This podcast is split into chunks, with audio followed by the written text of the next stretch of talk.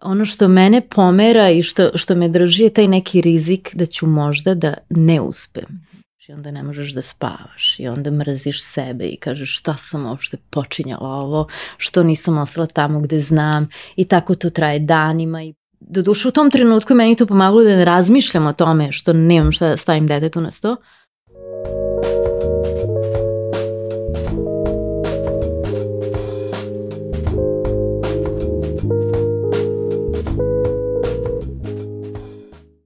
Dobrodošli u Fusnote podcast.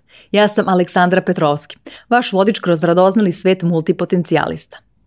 Mecena Fusnote je zanatski pečena pražioničar kafa, koja te vodi u avanturu aroma i jedinstvenog ukusa. A Amiko podcasta je Curke, globalni provider inovativnih usluga. Hvalim za ovu podršku, a kako vi možete da pružite podršku daljem razvoju Fusnote, saznajte u opisu ove epizode. Kada prestaješ da igraš na sigurno – kako po strani ostavljaš ono za što si se školovao i za što si mislio da je čitav tvoj svet, a počinješ da gradiš karijeru u nečemu što je potpuno različito od onoga što je tvoje formalno obrazovanje. Milana Cap i ja pokušat ćemo u narednih sat vremena da damo odgovore na ta pitanja. Milana je programerka, bivši klasični muzičar i samohrana mama. Za sebe kaže da je bučni ekstrovert. Milana, zdravo i dobrodošla.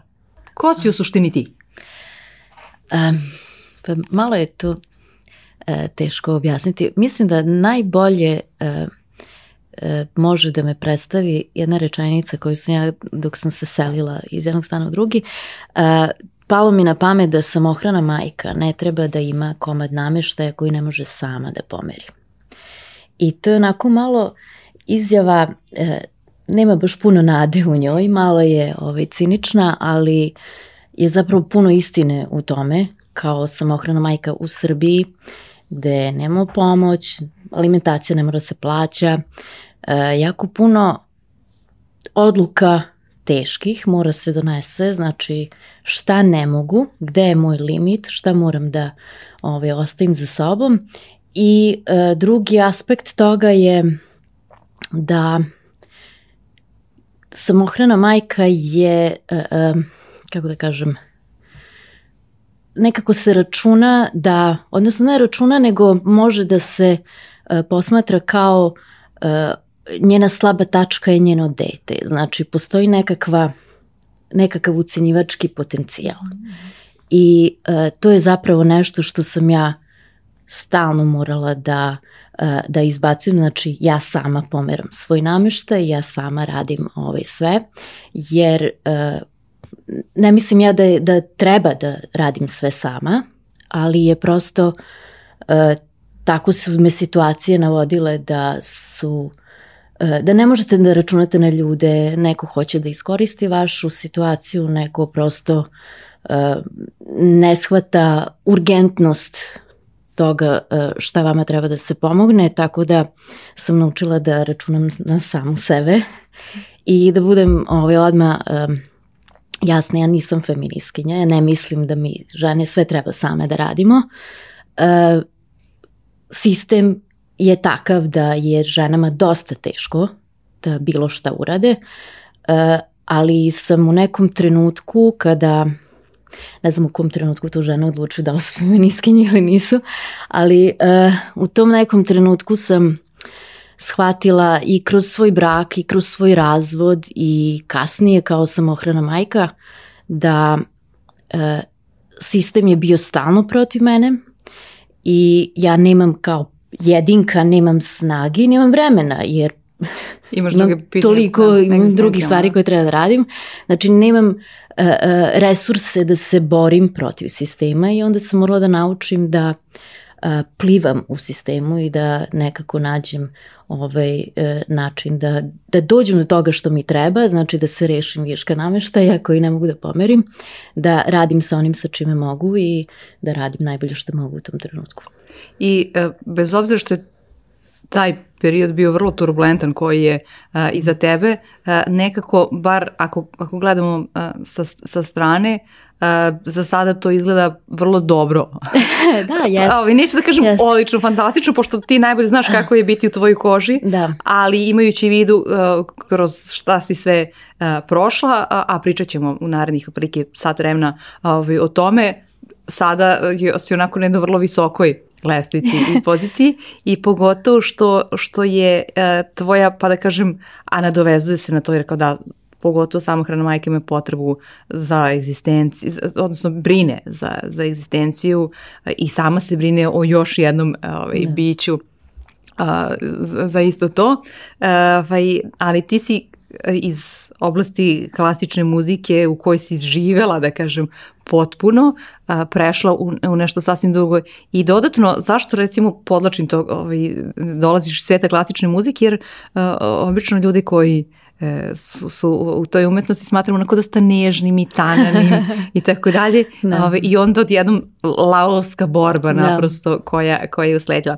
E, ispričaj mi e, e, za početak to kao kako je taj period tvoje tranzicije, uh, ti si bila, bila operski sufler uh, i za to si se formalno i školovala, do toga da, da, da pređeš u, u IT sektor koji ti bio potpuno strane. Si ikad razmišljala o tome? Ne, ne. Uh, znači jedini moj susret sa, dva susreta sa računarima pre nego što sam počela tim da se bavim.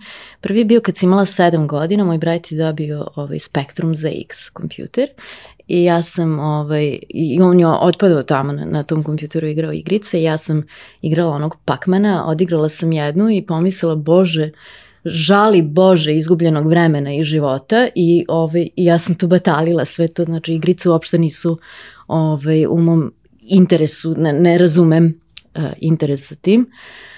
Uh, posle toga, uh, pred kraj srednje škole, uh, sam htela da se upišem uh, da upišem kompoziciju na akademiji i trebalo je sve te kompozicije pisati na računaru, znači ovaj, odštampati e, note i tu sam se opet srela sa računarom i onda sam to posle batalila i te kasnije, znači kad sam se već udala, dobila dete, zaposlila u pozorištu, ovaj, i moj drug uh, iz srednje škole i sa akademije i posle kolega u pozorištu mi je uh, donosio opere koje smo trebali da učimo i ovaj, donosio mi, pošto je znao da ima malo dete, e, crtače koje je skinuo sa, sa interneta. I onda sam ja u jednom trenutku pomislila, što sam ja glupa, što ja to ne mogu sama da nađem. I onda sam ovaj, krenula da tražim kako se to radi, uh, pa sam onda došla do nekog foruma sa torrentima, pa sam tamo E, naučila i engleski mnogo bolje i shvatila da u stvari ne znam uopšte engleski.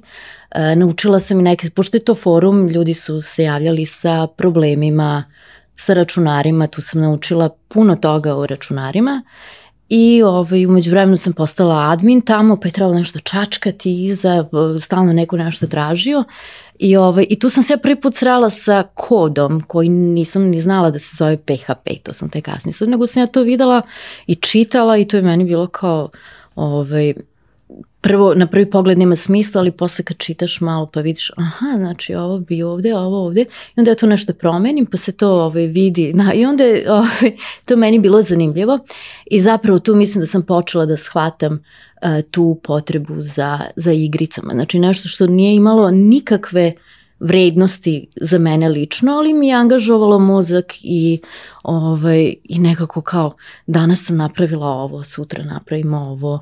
Uh, I onda sam se umeđu vremenu srela i sa WordPressom i tada, te 2009. je uh, za WordPress, on je tek počinjao da, da bude popularan tada i za WordPress je bilo nekoliko uh, uh, baš dobrih sajtova sa tutorialima i svim. Ja sam, dete mi išlo u vrtić, ja sam radila u pozorištu, što znači 3 sata dnevno, ne čak ni svaki dan. Znači imala sam puno slobodnog vremena, uh, I, ovaj, I nekako mi je to bilo zanimljivo da sedim i ja sad tu nešto čačkam. Na kraj pameti mi nije bilo da ću ja ikad da, da zarađujem od toga. Uh, tek kasnije, kada sam ja kao naučila s tim WordPressom nešto da radim i onda su kolege muzičari kao, ej pa meni treba sajt, pa ti praviš sajtove, pa ne znam, ali mogu da probam. I, ovaj, I onda sam tako počela, prvi sajtovi su bili sve kao muzičar, muzičar, muzičar, sve isto. Ovaj, I onda uh, sam upoznala i neke druge ljude. Jesi naplatila to ili to bio tvoj, tvoj građani portfolio, ono što se svaki sad zove? sajt sam naplatila. O, to je super. Uh, ali je to mislim više bilo uh, zato što prijatelji koji su tražili da im pravim sajt su zapravo nekako hteli da mi pomognu jer je bila teška situacija. Uh, I posle toga je u Novom Sadu uh, osnovan DAFED, to je uh, Design and Front-End kao neko udruženje mi smo počeli da imamo ta neka okupljenja i tu sam ja zapravo upoznala drugi ljudi iz Novog Sada koji se bave bio tim. prvi put da se susrećeš da, sa nekim. Da, da. Ovaj, I onda sam naravno tu upoznala i druge firme i svi koji se bave i tu sam počela nešto kao oni me zapošljaju kao freelancera, ajde napravi ovo, napravi oni, meni to bilo neverovatno da ja celu moju platu zaradim za 5-6 sati ovaj, rade tamo. Uh, ali i dalje sam ja to kao, to je moj hobi, kao, ne, ne, mislim ja sam, Ti si se ja sam muzičar, da. Uh, I sad već dolazimo do, do 2015. Znači već pet godina ja kao uzimam neke pare tu i tamo.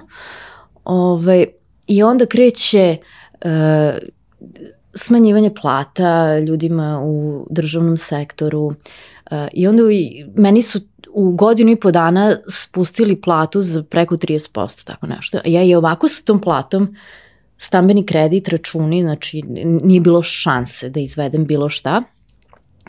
Iskreno, sad kad pomislim unazad, nimam pojma kako smo preživeli. Uh, Tvoja čerka tada kreće u osnovnu školu ili kreće u osnovnoj školi zapravo, da? Dve, 2015. on ima 11 da, godina. Znači, ceo taj period tu gde ona već u osnovnoj školi, nikakve alimentacije, niš, mislim, ono, ovaj, baš stvarno ne znam kako smo to sve progurali. I, uh, i onda je u jednom trenutku uh, došao neko iz uh, pokrajine Vojvodine u Srpsko narodno pozorište, pregleda one bodove koje imamo kao, na osnovu kojih dobijamo platu i reka operski sufler nije umetničko zanimanje što je meni dan danas ovaj, neverovatno, ali dobro. Uh, I onda su nam uzeli još, ne znam, znači meni je otprilike sa 34.000 plata pala na 27.000 i ovaj, ja sam ono kao, e, kad su mi javili, ni, kao smiri se, nemoj da reaguješ, nemoj ništa i samo onako osetim da mi noge se oduzimaju jer uh, kuda to vodi I, ovaj, I to je bio trenutak kada sam odlučila da da moram da menjam posao, da prosto ja više ne mogu da finansiram svoje zaposlenje u pozorištu.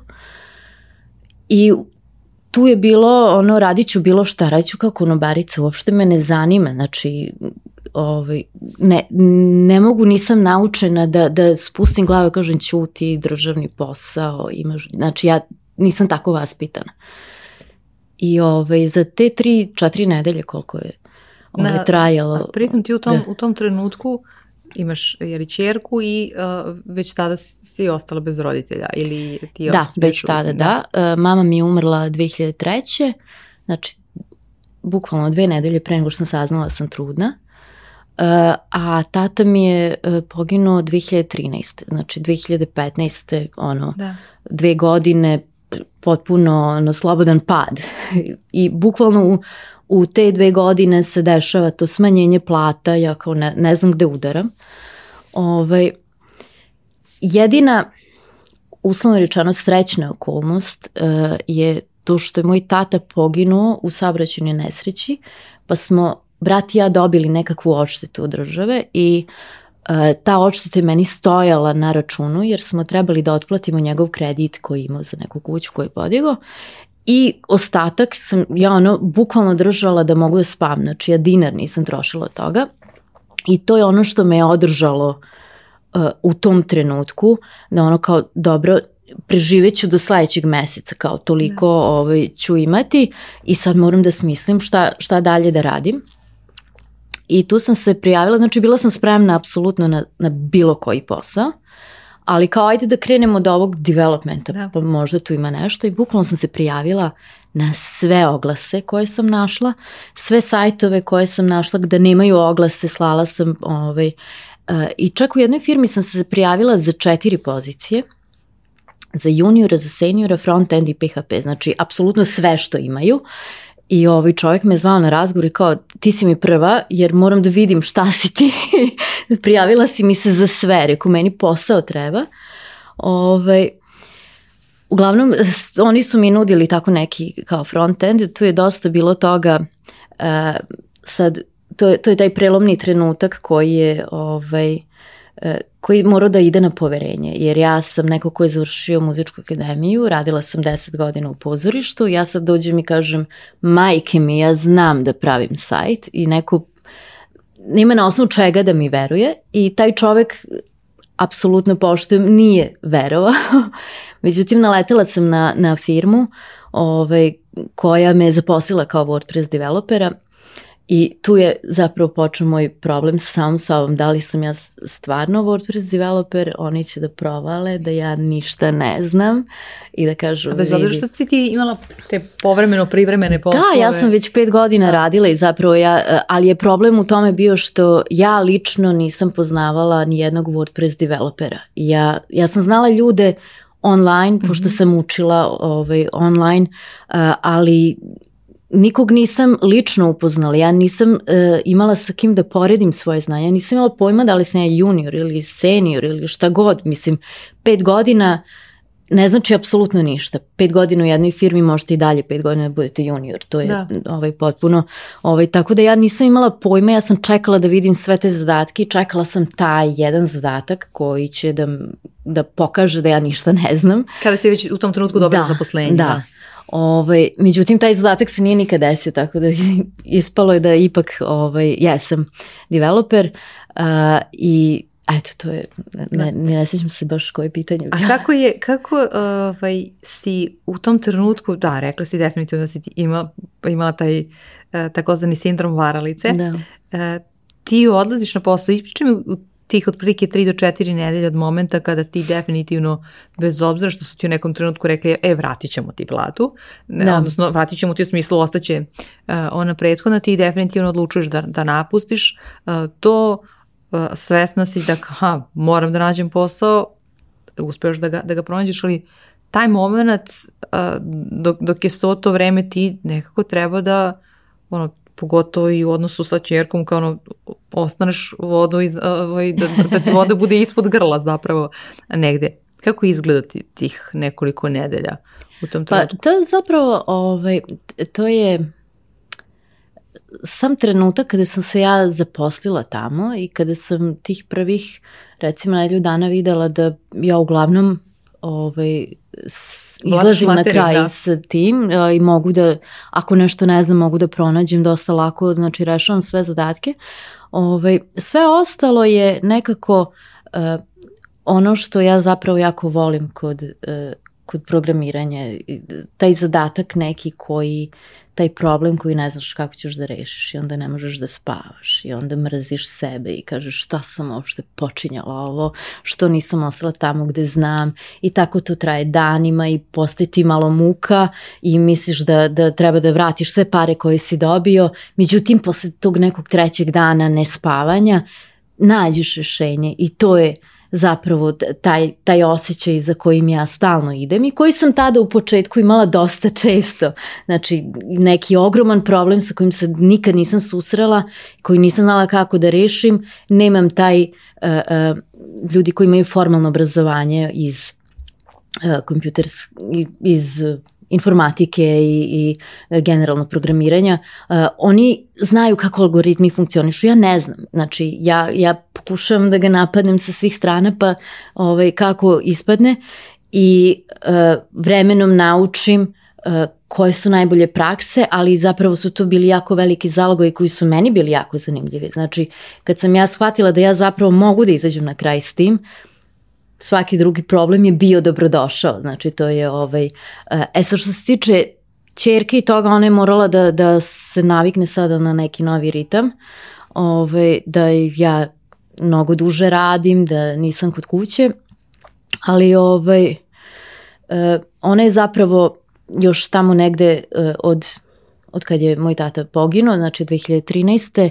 kad je imala 9 godina, ona je morala da se navikava na puno toga, ja znači jako, da. jako brzo smo morali da ovaj, svi odrastemo, uh, jer on je meni jako puno pomagao kad idem na posao uveče, to su uglavnom večernje probe i predstave, uh, ona je imala, ne znam, engleski uveče, onda je on nju vodio i tako pazio je kad ja nisam tu. Sad toga nije bilo, znači ona je sa 9 godina morala da nauči da ostane sama do 11 uveče, da se istušira, da večera, da legne da, u krevet, ne mora da zaspi, ali da legne u krevet.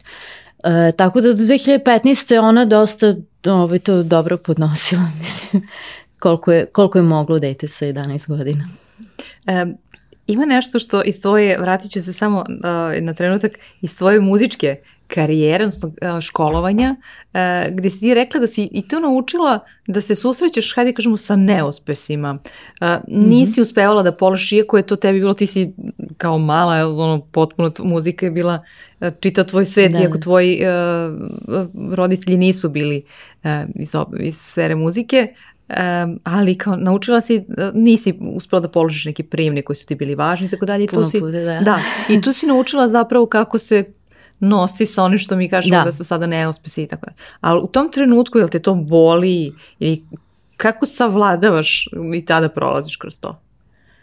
Kad si tako mlad i kada nešto uh, ne uspeš nečemu što ti mnogo znači tad? Pa, ne znam, mislim da je tu ovaj, uh, veliku ulogu su odigrali moji mama i tata tu u njihovom pristupu svemu tome. Uh, prvo, ja sam prvi muzičar u porodici, familiji široj, ja ne znam odakle meni to. Znači, ja, ja sam sa, sa, ne znam, 5-6 godina rekla ja hoću da budem muzičar i ja hoću da naučim sve što se može naučiti. Znači, sva, ja ne znam stvarno odakle mi ta ideja. Moji roditelji nikad nisu bili ono kao, ovaj, da, da sad kao mora da se sedi i uči. Uh, Međutim, ja sam to tako eto zacrtala, sa sedam godina se ja nabavila broj telefona muzičke škole, rekla mami nazovi ih, kad misliš da ih nazoveš i, onda, i onda su ljudi shvatili, ja ozbiljno mislim. Ovaj, I nekako kroz sve te prijemne, znači taj prvi prijemni ispit, ja sam htela da, da upišem klavir. Međutim, na klaviru je bila gužva i to onda mor, moraju nekako nasnici da te poznaju od ranije i tu ima puno drugih stvari. Ovaj, I onda su me primili na harmoniku i kao možeš da se prebaciš na klavir posle godinu dve. Međutim, posle godinu dve ja nisam htela da se prebacim na klavir. Onda je došla srednja, odnosno kraj osnovne, pa sam ja u jednom trenutku rekla uh, ja ću ipak da upišem muzičku i onda su rekli, naš, mora malo duže da se sprema za to. Pa sam upisala teoriju, ali nisam upisala harmoniku koju sam htela. Pa sam onda godinu dana vežbala harmoniku i polagala prijemni i tu se sećam uh, da sam imala uh, puno problema sa samom sobom. Uh, znači, išla sam kod profesora, uzimala sam prijetne časove kod profesora koji bi me uzeo kasnije ako položim prijemni ispit. I uh, ja sam sedela i vežbala i tehnički to sve bilo super, ali je nekako bilo zatvoreno i čovjek nije znao kako da mi priđe i kao je li sve u redu. nije bio. Da, i kao je li sve u redu, u čemu je problem, ja kao ne ništa, sedim i vežbam, onako baš svojski vežbam 6 sati dnevno, sve to tehnički super, ali ovaj, i dalje je to tako sve nešto zatvoreno uh, i čovjek mi je stvarno prilazio sa raznih strana, ovaj, nije znao kako, uh, i na kraju me uh, mi je dao domaći da napišem sastav, št, kako ja doživljavam taj prijemni ispit. I zapravo tu se videlo, mislim ja nisam znala šta mi je prosto. Ovaj, I tu se zapravo videlo e, da postoji taj, a, opet taj sindrom varalice, e, jer sam ja pala prijemni ispit, nas je bilo 11 odnosno njih 11 je upisalo i ja sam samim tim računala sam ja 12, sam ja najgora i nekako sam mislila uh, da sav taj moj trud i taj rad nema, nema pojenta jer sam ja ta najgore, ta 12. Ove, ovaj, I onda je on meni rekao, pa znaš, uopšte nije tako zapravo, ti si tu jako visoko, ovaj, sa svim tim vežbanjem i, ovaj, i to neko ohrabrenje, zapravo taj, to verovanje u sebe je ovaj, bilo ključno u svim situacijama. E, I tu sam položila prijemni i nastavila dalje. Onda sam htela da upišem e, akademiju u Bratislavi i bili smo na prijemnom i ja sam položila prijemni, ali nisam primljena jer sam bila druga, a primali su samo jednu. Uh, pa sam se preorijentisala na kompoziciju, pa sam na akademiji ovaj, pala prvi put kompoziciju, ali sam upisala teoriju, pa sam sledeće godine opet kompoziciju i opet sam pala i onda sam rekla dobro, sad je dosta. sad stvarno ovo ovaj, više. Uh, mislim da je uh, svi ti silni prijemni koje sam pala uh, su me naučili da ne doživljam to ništa lično. Jako je puno tu uh, uh, aspekata, jako je puno uh, uh, varijabli na koje ja ne mogu da utičem. Uh, konkretno za tu kompoziciju su bile takve okolnosti da nema veze sa mnom. Znači, ja sam tada komotno na nekom drugom uh, uh, fakultetu mogla da, da prođem, prosto su bile takve okolnosti i čovek mora da, da,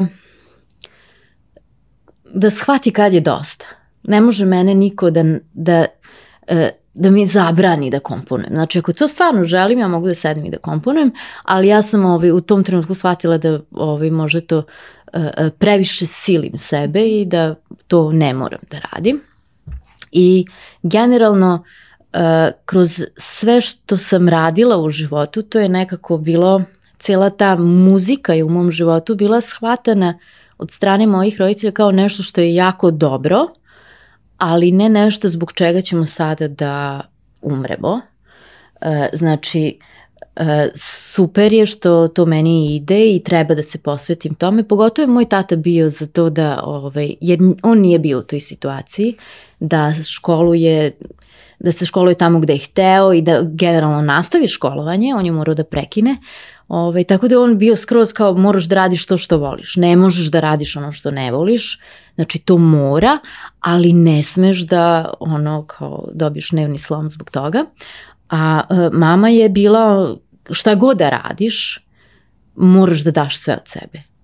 To možda neće biti dosta, i u nekim situacijama neće biti dosta, ali ti moraš da znaš da si dala sve od sebe i da budeš zadovoljna, brate, ako ne ide, ne ide, uopšte nije problem, ali da ne razmišljaš posle, možda sam više vežbala, možda sam ovo, možda sam ono, znači te takve misli smo izbegavali, ovaj, tako da e, je ja se ne sjećam da je to nešto bilo jako bolno za mene sve. Naravno, želiš nešto pa ne dobiješ, nisi srećan zbog toga, ali ne sjećam se da, da sam ja sad imala neke uh, neke epizode da sam tužna, da ne znam šta ću dalje, uvek sam ja kao dobro, to sam probala, dala sam sve od sebe, super, ovo znam, ovo ne znam, idem dalje, sad me ovo interesuje. I, koliko su ti sad sve te lekcije e, pomogle u sadašnjoj profesiji, čime se baviš?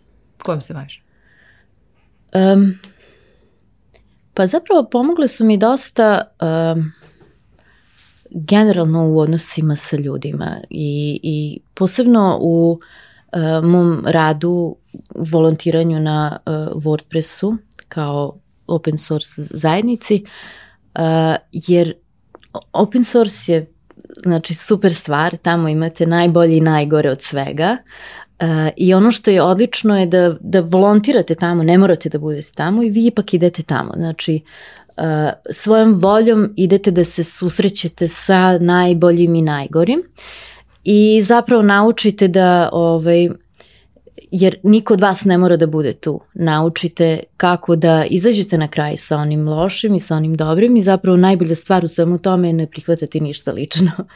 I, ovaj, i to je zapravo uh, uh, dosta pomoglo meni u, u svemu što sam radila u životu, jer jako je lako sebe definisati jednim porazom i zaboraviti. Posebno uh, sam to primetila ovaj, kada sam ostala i bez mame i bez tate. I, mislim, uh, to je onako, ta roditeljska ljubav je kao ona uh, uh, white noise, ono, ne, uopšte ne primećujemo da. dok ne prestane, onda odjednom čujemo tu tišinu. Uh, I to je nešto što roditelji rade što mi mislimo kao ti meni govoriš da sam ja lepa, pametna, da meni sve to ide zato što si ti mama i zato što moraš da mi kažeš. Zapravo to uh, možda i jeste tako, oni nisu stručnjaci, oni, njihovo mišljenje nije relevantno u tom smislu, ali je potrebno osobi da ti neko govori stalno. Ti možeš, ti, ti si pametan, ti to sve guraš i to zapravo shvatiš kada ostaneš sam, da sam sebi to govoriš i ako ne govoriš, jako je lako doći do poraza i pomisliti ja, I ja ne mogu ništa. Znači, važno je, i, i to su, re, meni recimo sad kad, se, kad vratim film, kad pomislim šta sam ja sve sama sebi govorila, ovaj, i dobrih stvari, ali imam ja i onih nekih vojničkih, onako baš, ovaj, kao ajde ustani, skupi se, znaš, i, i te stvari i umem da budem i dosta ovaj, i gruba prema sebi i dosta surova, prosto život te tako ovaj, stavi u situaciju. Tako da to su e, e, jako važne stvari sebi E, stalno u, u tim situacijama kada se desi uslovno rečeno poraz, kada se desi nešto što nisi očekivao ili nisi želeo, važno je da sebe ne definišeš time jer jedan trenutak je jako mali u odnosu na ceo život. Šta si radio do sada? Ili što bi rekao Mihajlo Pupin da su porazi samo usputne stanice do, do nekih I to, da. i to, da. E, meni je isto uh, zanimljivo što uh, ok, ti sada si dobila jedan posao, radila si uh, u, u jednoj firmi i tako dalje, uh, znači ulaziš već u taj um, programerski uh, svet formalno, da. na neki način, uh, ali istovremeno kažeš, ha, ja sam i volontirala uh -huh. um, uh, u, u zajednici, uh, što je interesantno s te strane, što ha, ti imaš neko određeno vreme, da kažem, za posao, Da. To jeste i na neki način posao, iako ne dobiješ za to novac. Naplatiti se u znanju, iskustvu, da. poznanstvima, koje vrlo često zaboravimo U, e, kao da. monetu, hajde mm -hmm. da mhm. kažemo. I uh, to mi je onda interesantno, haha, nisi, nisi otišla samo da kažeš, ok, imam, ne znam, 10 sati dnevno da radim i, ili manje, koliko god se opredeliš, ti si se opredelila za manje, mm -hmm. za mhm. novac uh, i to ću da rasporedim ovako. I ha, ajde sad da vidim da li mogu da napravim šest sajtova za jedan dan i, i da sedem da, da tako gruvam u, u, u želji da što više nekako novca zgrneš jer sve šta imaš iza sebe, ovaj, čita, ovaj, čita paket, da kažemo, i istoriju kratku. Kako sad to vagaš nekako? Mislim, je li to vaganje ili šta je, kako ti doživljavaš? Um, pa, problem kod um, kod toga kad si developer, posebno uh, WordPress se može uh, primeniti na bilo koji sajt. Znači bilo koja vrsta sajta može da se napravi sa WordPressom. Ti kao jedinka koja imaš posao, uh, ti ne možeš da naučiš sve to, prosto je nemoguće. Postoje ljudi koji su specijalizovani... Ti si odustao od te ideje da naučiš sve. Um, još uvek uh, kao tajno nešto ovaj, e, e, pokušavam, ali naravno, ja apsolutno, zapravo sam shvatila da, da je super znati ponešto od svega, e, razumeti se dovoljno da možeš ovaj, da, da vidiš šta je zanimljivo tu, ali da treba ovaj, se usmeriti na ono gde, gde dubinski možeš da, da naučiš sve. E, znači, kod WordPressa postoje stručnjaci koji su za recimo uh, online prodavnice, pa onda postoje stručnjaci za društvene zajednice, ove društvene mreže, recimo tako. Uh, znači, različiti oblici gde jedan, jedan čovjek prosto ne može sve to da radi.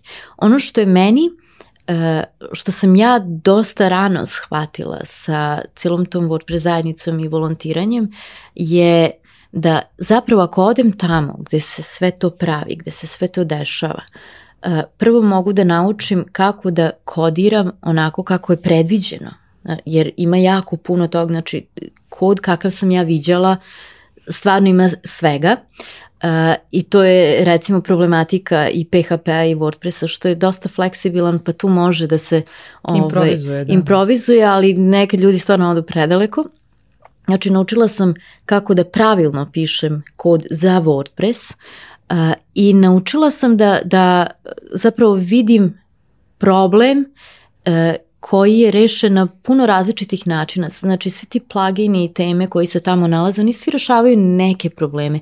I onda vidiš jednu te istu stvar rešenu na puno različitih načina i zapravo uh, počneš da povezuješ neke stvari koje nisi imao povezane. To nikad ne možeš uh, dobiti u jednoj firmi. To čak nikad ne možeš, ja sam napustila firmu zato što uh, se počeli su da se ponavljaju projekti. Znači, Posle koliko vremena si napustila? Da? Dve godine. Mm -hmm. Znači počela sam da radim jednu te istu stvar, e, što je za firmu super, znači oni su se specijalizovali u tome, ali za mene kao developera e, je to e, zapravo stagnacija, ako si kao developer, ako stagniraš, onda zapravo ideš unazad. Znači ništa novo niste naučio dve godine, to je strašno. Ovaj, sreću pa sam ja kao to radila ovaj, sa strane na, na WordPress.orgu.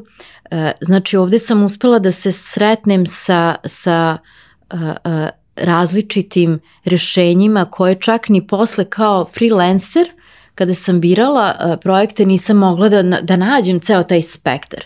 I to je zapravo uh, ono što ljudi često zaboravljaju pogotovo kod nas, znači kod nas uh, gde se ljudi bore za taj neki uh, minimum preživljavanja, bukvalno. Uh, I onda uh, imamo struju kao... A ti si nekako bila tu, znači ne pričaš ovo uh, iz ide, idealističkih... Da, znači, da, da, ja sam... Bila sam u tome. Ja sam bila u tome ja. kada, kada nisam imala šta da stavim mom detetu na sto. Uh, doduše u tom trenutku meni to pomagalo da ne razmišljam o tome što nemam šta da stavim detetu na sto.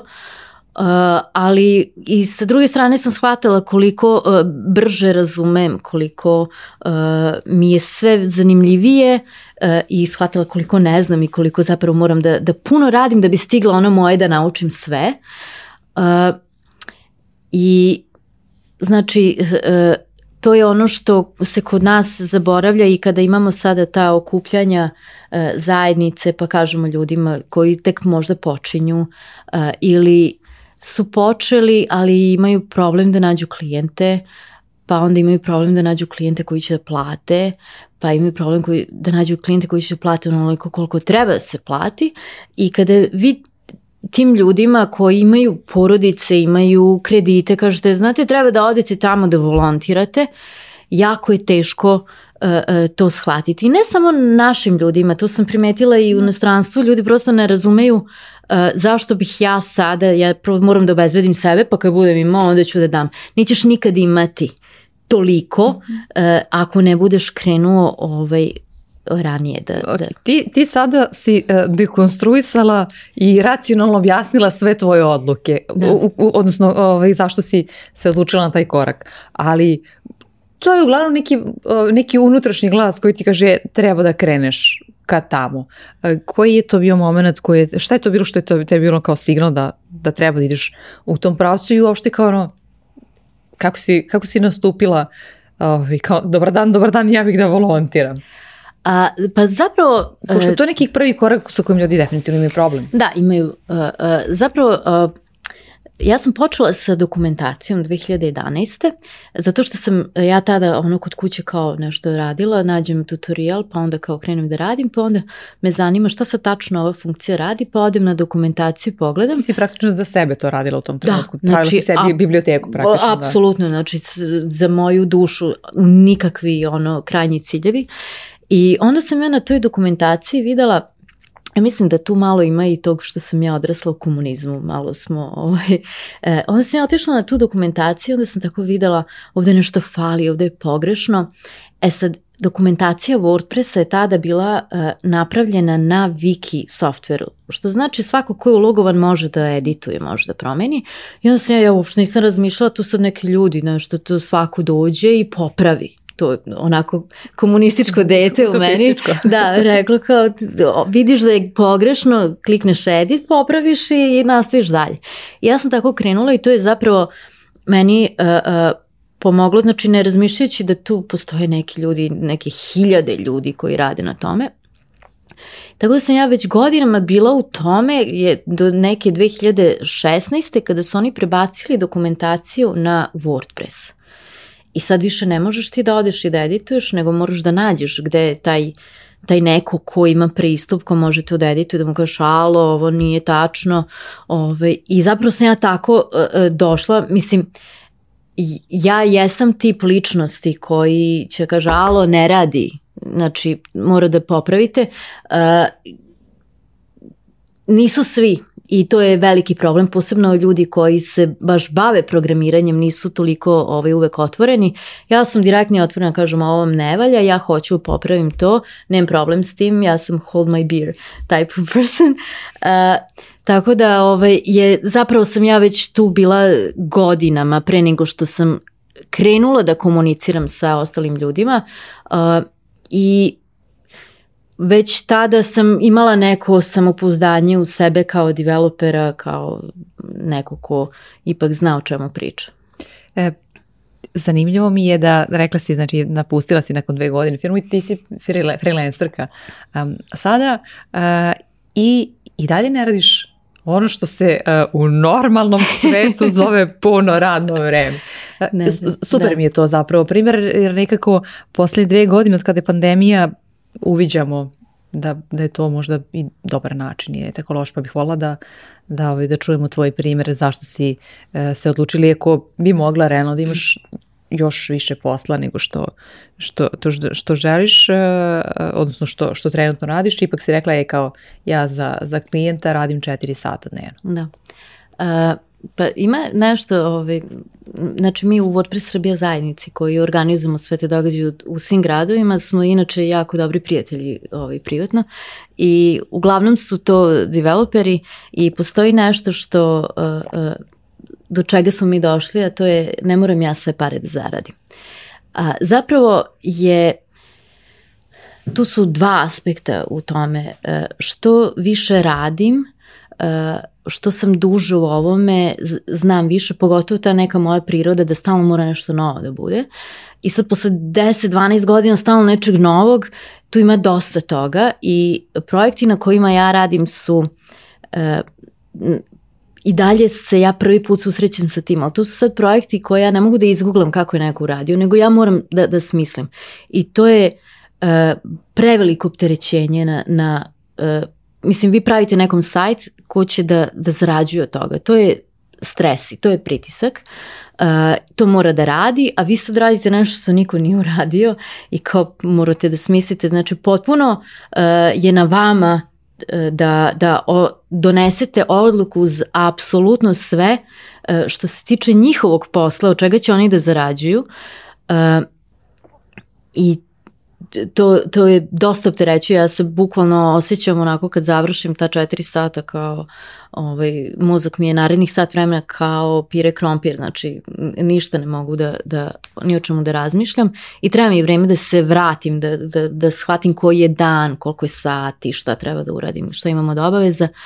Ovaj, to je jedan aspekt, znači e, previše bi bilo stresno, ne kažem da ljudi to ne rade, rade, i može se tako preživeti neko određeno vreme, ali onda dolazimo do onog pregorevanja koje je dosta često ovaj, u Srbiji posebno. Znači to je taj aspekt. Drugi aspekt je koliko zapravo meni para treba.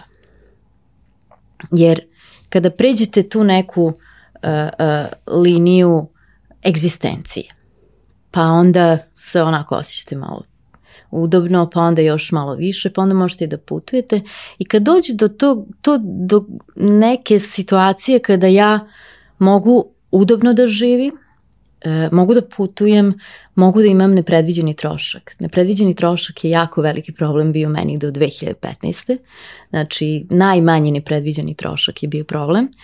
E, kada mogu sve to da priuštim sebi, kada mogu da e, poludim na državnu školu i prebacim svoju čerku u privatnu školu i da sve to uh, sebi dozvolim i da i dalje imam uh, nekakvu ono kao gomilicu ako se nešto desi, onda sve iznad toga i zapravo gubi vrednost. Nije, nije isto. Znači, pravi ako manju bih, razliku, sve pravi manju, manju da. razliku i ako bih ja duplo od toga zarađivala, to nije ta planina. To je i zapravo onda se postaje pitanje koliko meni vredi to, a koliko mi vredi vreme koje mogu sebi da, da dozvolim da uradim nešto drugo.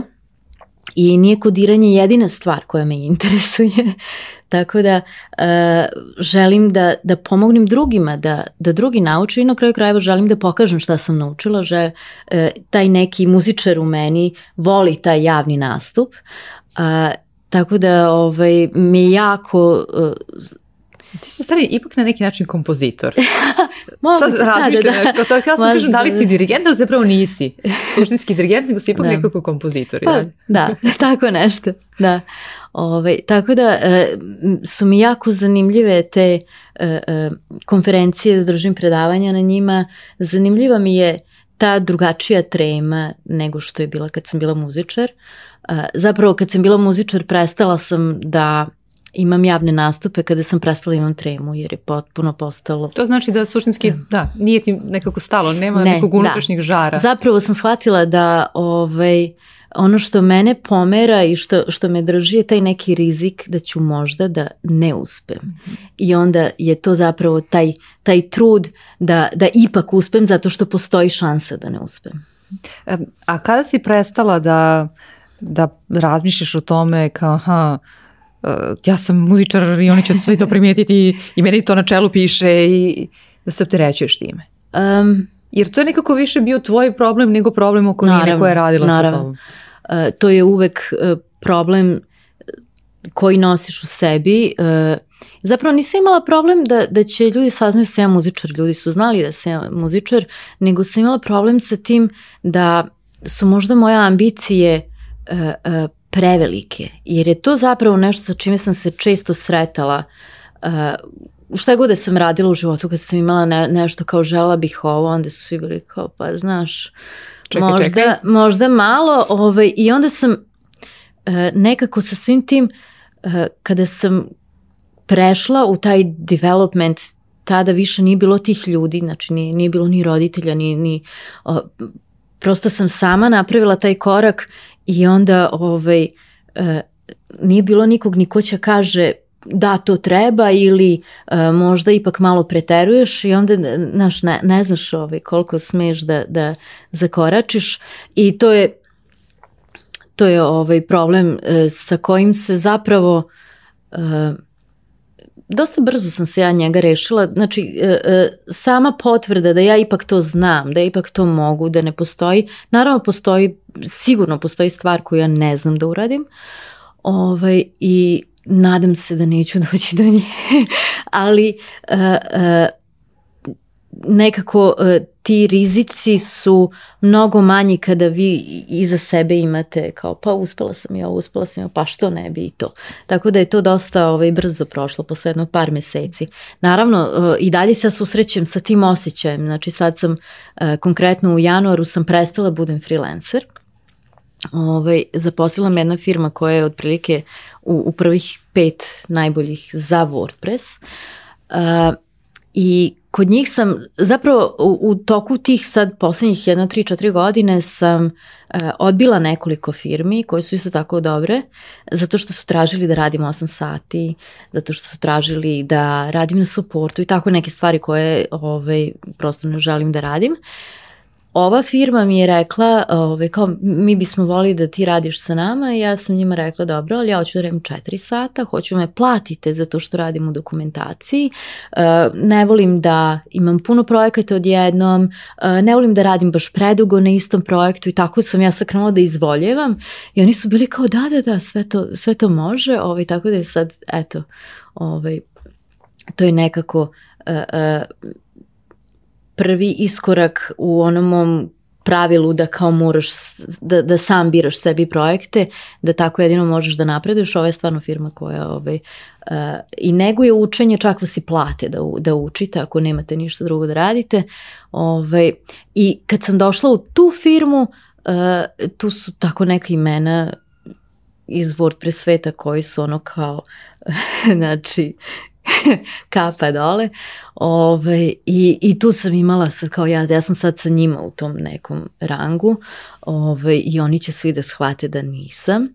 E, i, I to je trajalo neko vreme, međutim, cela ta firma je kao zajednica, oni su ovaj, e, dosta otvoreni, dosta, e, e, kako bih rekla, skromni ljudi e, i pomažu svima i svi traže pitanje i onda kada vidite da i ti drugi ljudi koje vi dižete u nebesa zapravo ne znaju nešto i, i postave pitanje, onda se to sve nekako malo iznormalizuje. E, I dalje, e, a, a, taj moment kao da li si imala taj, to nije planski sada, kao ja, ja ću ići, radit ću kao freelancer sve dok ne nađem to. Šta je bio neki tvoj e, u tom momentu srednjeročni plan? Oh, nema plana kod mene. Ove, ovaj, to je recimo posledica takvog života koji sam imala. Uh, svaki put kad sam ne, imala neki plan, neko umre, mislim. I onda ovaj, uh, sam... Ili se ti razboliš? Ili se ja razbolim, ja sam isto ovaj, bila te 2013. skoro, bukvalno su dani bili u pitanju. Ovaj, tako da e, sam ne, ne znam, za mene danas imati plan je hrabrost. E, dok drugi ljudi misle da nemati plan je hrabrost, ali zapravo ovaj, e, nekako ne, ne usuđujem se da planiram dalje od e, narednih dva meseca recimo. Ono što planiram dalje od toga je kada znam da ima neka konferencija na koju želim da odem, pa kao rezervišem avionsku kartu i, i hotelski smeštaj, ali ovaj, to, to je jedino. Sve ostalo kao gde ću biti tada, gde ću raditi, šta ću raditi. A šta je ono što, što je tvoje nekako uporište šta smatraš Kako ti de, definišeš zapravo to što je sigurnost? Sigurnost je znanje i veštine koje imam. Znači to niko ne može da mi uzme uh, i to je uh, ono u što sam ulagala sve ove godine, uh, radeći za firmu, radeći kao freelancer, uh, volontirajući, znači to je ono što ja imam i sa čime mogu da odem bilo gde. Uh, imam, da preneseš te, te svoje stvari sama. Tako je, da prenesem svoje stvari sama. Znači, uh, apsolutno uh, ne zavisim u tom smislu uh, ni od čega, ne zavisim od firme u kojoj sam. Ja, ja znam šta imam i ovaj, ja to mogu da unovčim, znam kako da unovčim i mogu da unovčim kad god hoću, a opet postoji ta neka gomilica ako baš ovaj, najđe period kada kada se nešto uh, nepredviđeno desi. E, I kako sada kada se osvrneš na svoj život u muzici, e, jel ti nedostaje? Jer sad kao razmišljaš recimo kao dobro ja ću još malo da kodiram pa ću opet da se vratim recimo ovaj, u znaš ono kad odem po stare dane kao što neki ljudi zamišljaju da će da imaju bar da, na da, da. plaži da. i tako dalje. Uh, nedostaje mi rad na stvaranju dela. Znači to je uh, to je recimo jako zanimljivo. Uh, ja sam imala, svirala sam klavir u srednjoj i na akademiji, a harmoniku u nižoj i u srednjoj. I harmoniku sam uh, uvek volela da sviram znači da imam taj gotov proizvod, imam javni nastup, ali nisam nikad volala da je vežbam. Klavir sam uvek volala da vežbam, ali nikad nisam volala to kao, nego sam više tako volala da dušu, sedim da. i da ja sad tu kao, ovaj, da dođem do nečega, ali nije mi bilo važno da to neko vidi. I tu se zapravo jako puno procesa se dešava u toj, toj muzici, ovaj, nedostaje mi taj proces stvaranja, jer ja sad trenutno nemam baš toliko vremena da sedim i da vežem klavir svaki dan, mada ga otvorim nekad imam tako neke note koje volim. Ili su klasični klavir ili moderni neki? Uh, klasični. Pijanino, Petrov o, i dalje naštimovan i redovno ga štimujem. Ove, tako da uh, to mi malo nedostaje i čak sam bila ovaj, sada u oktobru sam krenula na hor amaterski uh, i to mi je baš prijelo. Sad trenutno sam morala da, da prekinem zato što taj novi posao, imam te sastanke neke koji su u to vreme proba, ali inače mi je ovaj prijelo skroz da, da odem na hor, da, da imam probu, da otpevam i tako dva, tri puta nedeljno da prosto uh, izbacim. Znači taj, to, to stvaranje dela, to mi nedostaje. Sam nastup nije, nije mi uh, to nešto, mislim kao operski sufler nisam ja imala nastup, imala sam tu neku Ali krećeš se među tim ljudima i sad da li recimo sad sa ove vremenske distance kažeš kao e, imaš neki unutrašnji osjećaj kao ja sam nepravedno oterana iz odavde. Ne, ha? ne. Kako posmetiš? Ja, ja to pos, mislim, um, meni je iskreno muzika i programiranje ista stvar. Uh, recimo drugi rukopis. Mm -hmm. znači, t, t, i muzika i programiranje zadovoljavaju to nešto u meni, uh, ti procesi, pro, programiranju proces tog razmišljanja, više se razmišlja nego što se piše kod uh, rešavanja problema, nalaženja drugog načina, boljeg načina, pa gledanja kako si to radio pre šest meseci pa se uhvatiš za glavu. Ovaj, Gde mi je ovo pamet Da, isto tako u muzici, znači taj neki uh, proces E, to je, ja mislim, e, u meni ono kao rad će se isplatiti, ne mora odma, kada radiš vredno, dugo, to će da se, ovaj, vidjet će se rezultate. Taj, taj sam proces tog rada, to je ono što ja dobijam i muzikom i programiranjem, taj neki, neki mali napredak i kada se pogleda nazad jedan veliki napredak i to je, to je ono što je meni dovoljno. Potpuno mi je nebitno će to biti muzika ili ovo ili ono. Ja u svakom trenutku mogu da sviram klavir, mogu da pevam, mogu ovaj, dok programiram, slušam operu i tako. A, a u kojim trenucima ili i koliko često se to kao ha, osvrđiš ili gledaš u retrovizor da kažeš šta sam ja zapravo sa ovih deset prstiju postigla protivih 7-8 godina? Uh, pa ne, ne previše često. Uh, najčešće kada uh, mi je kada počnem da, da sumnjam u sebe, da li, da li sam možda dobro, na dobrom putu, da li mi se možda sad ovo trenutno dopada, gde želim da idem dalje, onda napravim neku retrospektivu, čekaj šta sam htela ranije, šta sam prošla, da li ovo, da ali inače ovako, ovaj, ne, nekako više gledam mhm. napred. E, I koliko rekla si malo pre da, da, kao imaš plan za, na, za naredne dva meseca, ali opet s druge strane imaš taj neki kurs e, koji ovaj, zamisliš kao je, ja želim da idem e, ka, ka tome i tome, jel tu imaš ovaj, ne, ne, nešto dugoročniji neku um, svetiljku ili kako? pa ne znam, trenutno uh, mi je ovaj, to držanje predavanja mi je jako zanimljivo uh, i trenutno sad radim na, na tome da to, znači, to je jedan krug uh, kodiram ono što je uh, kvalitetan kod što trenutno u ovoj firmi mogu, imam prilike da naučim baš onako na, na jednom uh, uh, vrlo velikom, visokom nivou. Uh, znači, kodiram kvalitetan kod, uh, učim o tome i onda držim predavanje i tako ovaj, sve u krug i to je nekako uh, taj neki sledeći pravac. Gde će da ode, nemam pojma. Do, koliko će ovde traje, ne znam. Ovaj, u planu imam i da, da sredim tatinu kuću u Turi, pa se, ko zna šta će odakle. A nemaš u da planu da, da povežeš, uh, ok, mada ti pronalaziš i na istoj su ti liniji programiranje, odnosno osjećaj koji ti uh, imaš i prilikom programiranja i prilikom stvaranja uh, muzike, ali ne vučete recimo da na taj način doprineseš muzici ili da se ostvoriš u muzici uh, tako, tako što ćeš iskombinovati tvoje IT znanje sa tvojim muzičkim znanjem. Ne, ne.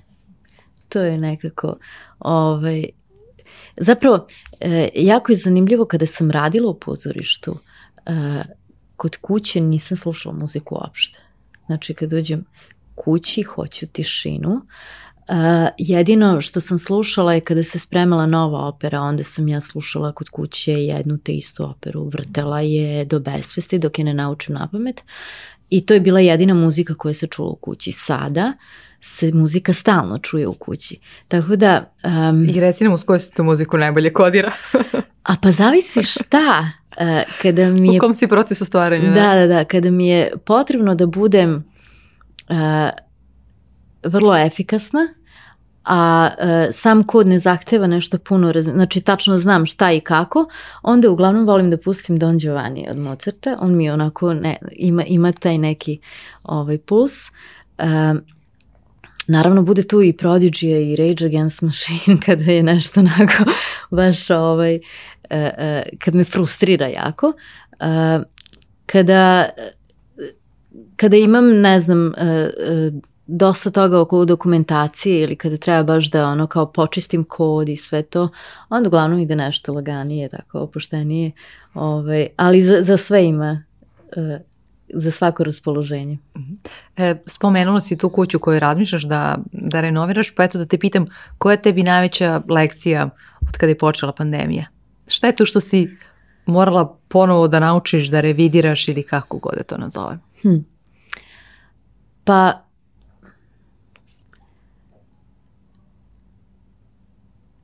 recimo ta... Um, ta neka disciplina i ta struktura, ovaj, to je zapravo nešto što uh, mene uh, mogu, mogu slobodno kažem da imam sreću da imam taj neki jak osjećaj discipline uh, i to je uh, nekako u, u periodu pandemije sam, sam ja lično zapravo ponovo shvatila koliko sam sama, koliko je sve to uh, uh, koliko si prepušten sam sebi, koliko sam sebi moraš da pomogneš da ostaneš mentalno uh, stabilan, da ostaneš fizički zdrav, uh, tako zatvoren si u, u ta četiri zida. I uh, zapravo ta disciplina da imam raspored u toku dana je ono što me je održalo da, da, da mi to kao bude ono normalan dan, jer inače ja radim od kuće, sad samo ne smem da izlazim napolje, ali ovaj, e, nekako da, da što manje e, osetim tu promenu, da, da što manje osetim taj pritisak i to je zapravo e, ta svest da, da smo sami odgovorni za sebe i da moramo sami sebi da organizujemo život, ali opet da zapravo čovek ne želi da bude sam, jer čovek nije uh, ostrvo. ostrvo. Čovek nije ostrvo i tada je to, ja mislim, najviše smo shvatili to u pandemiji, ovaj, koliko nam znači čak i, i ne, ne moramo da volimo te ljude, prosto drugi ljudi da ih vidimo i, i ovaj, taj neki zagrlja i to je ovaj, ono što, što zapravo svima nama treba.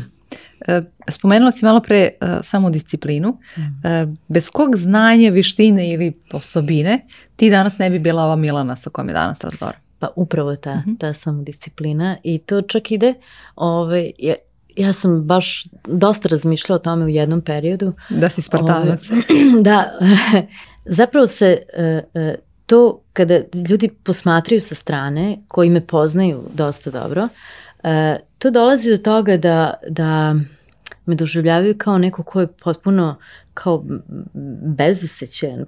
Znači, mislim, ja sam vremenom razvila određenu surovost jer sam bila suočena sa da. njom.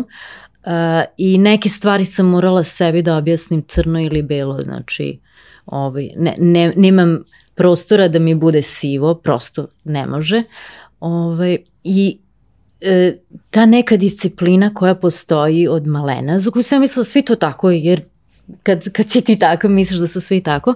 Ovaj, međutim, posle sam shvatila da zapravo nisu svi ovaj, e, E, rekla bih da, da je to stvarno najveća sreća koju, koju imam uh, i to se čak odgle, ogleda u tome da uh, ja imam neki svoj fiktivni raspored dana jako kasnim jedan minut, mene to radi. Znači, niko ne zna za taj moj raspored, ne moram da ga se držim, imam dovoljno prostora da, da pomerim sve u posljednjem trenutku, ali nekako ta odgovornost prema sobstvenom rasporedu je toliko jaka da, da ja to ne mogu da opišem, čak sam u jednom trenutku mislila da je to neka diagnoza, sigurno.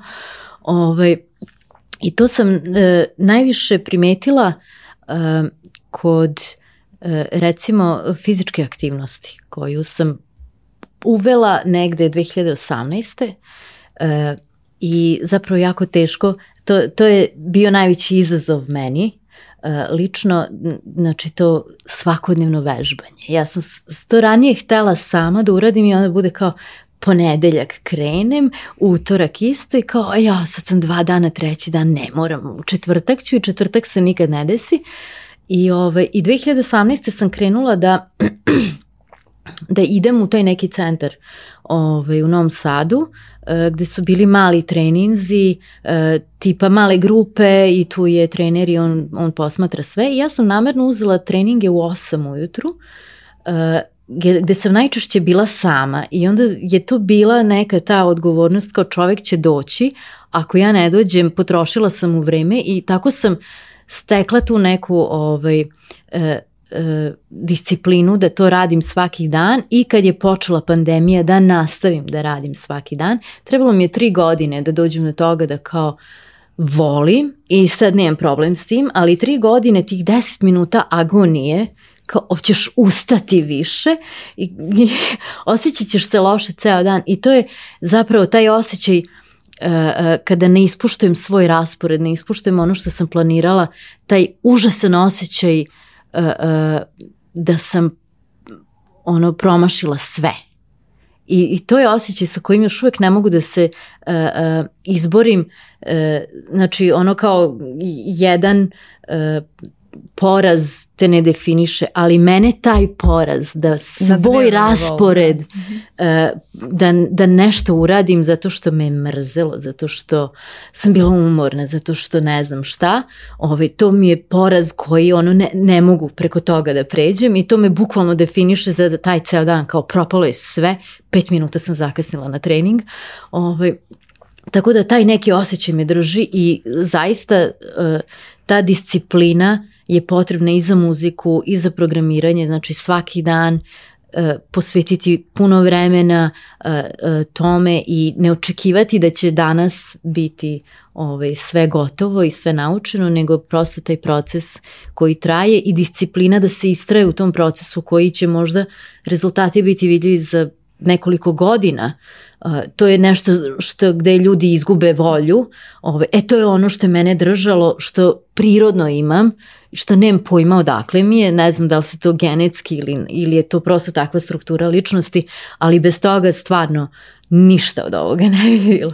Sjajno si poentirala na kraju i hvala ti. Na tome htjela sam samo ovaj, da dodam, ti si navela primjer vežbanja, ali uh, to suštinski ma kao ma šta ako danas to promaš tako da, dalje, da. ali uh, ti si i krenula to, to je kao za neko tvoje više dobro. Mm -hmm.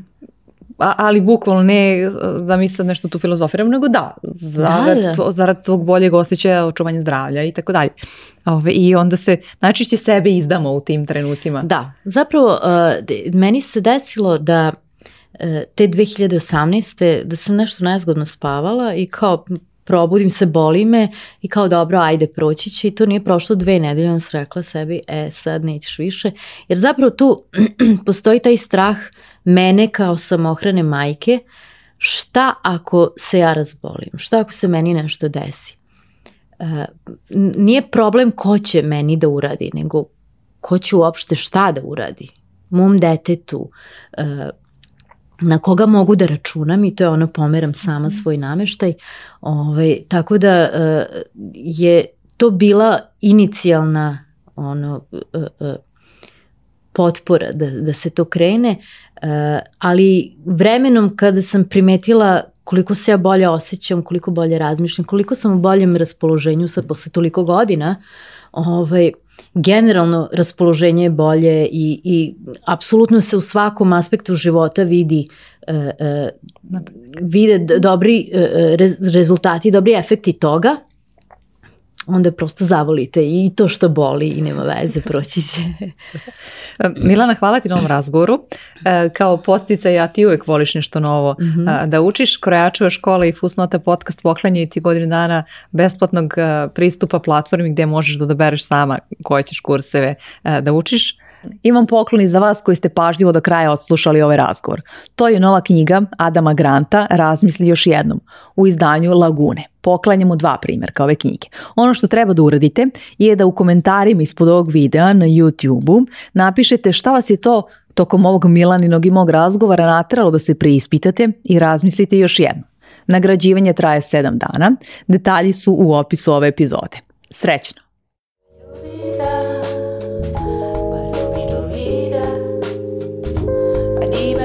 pada pada pada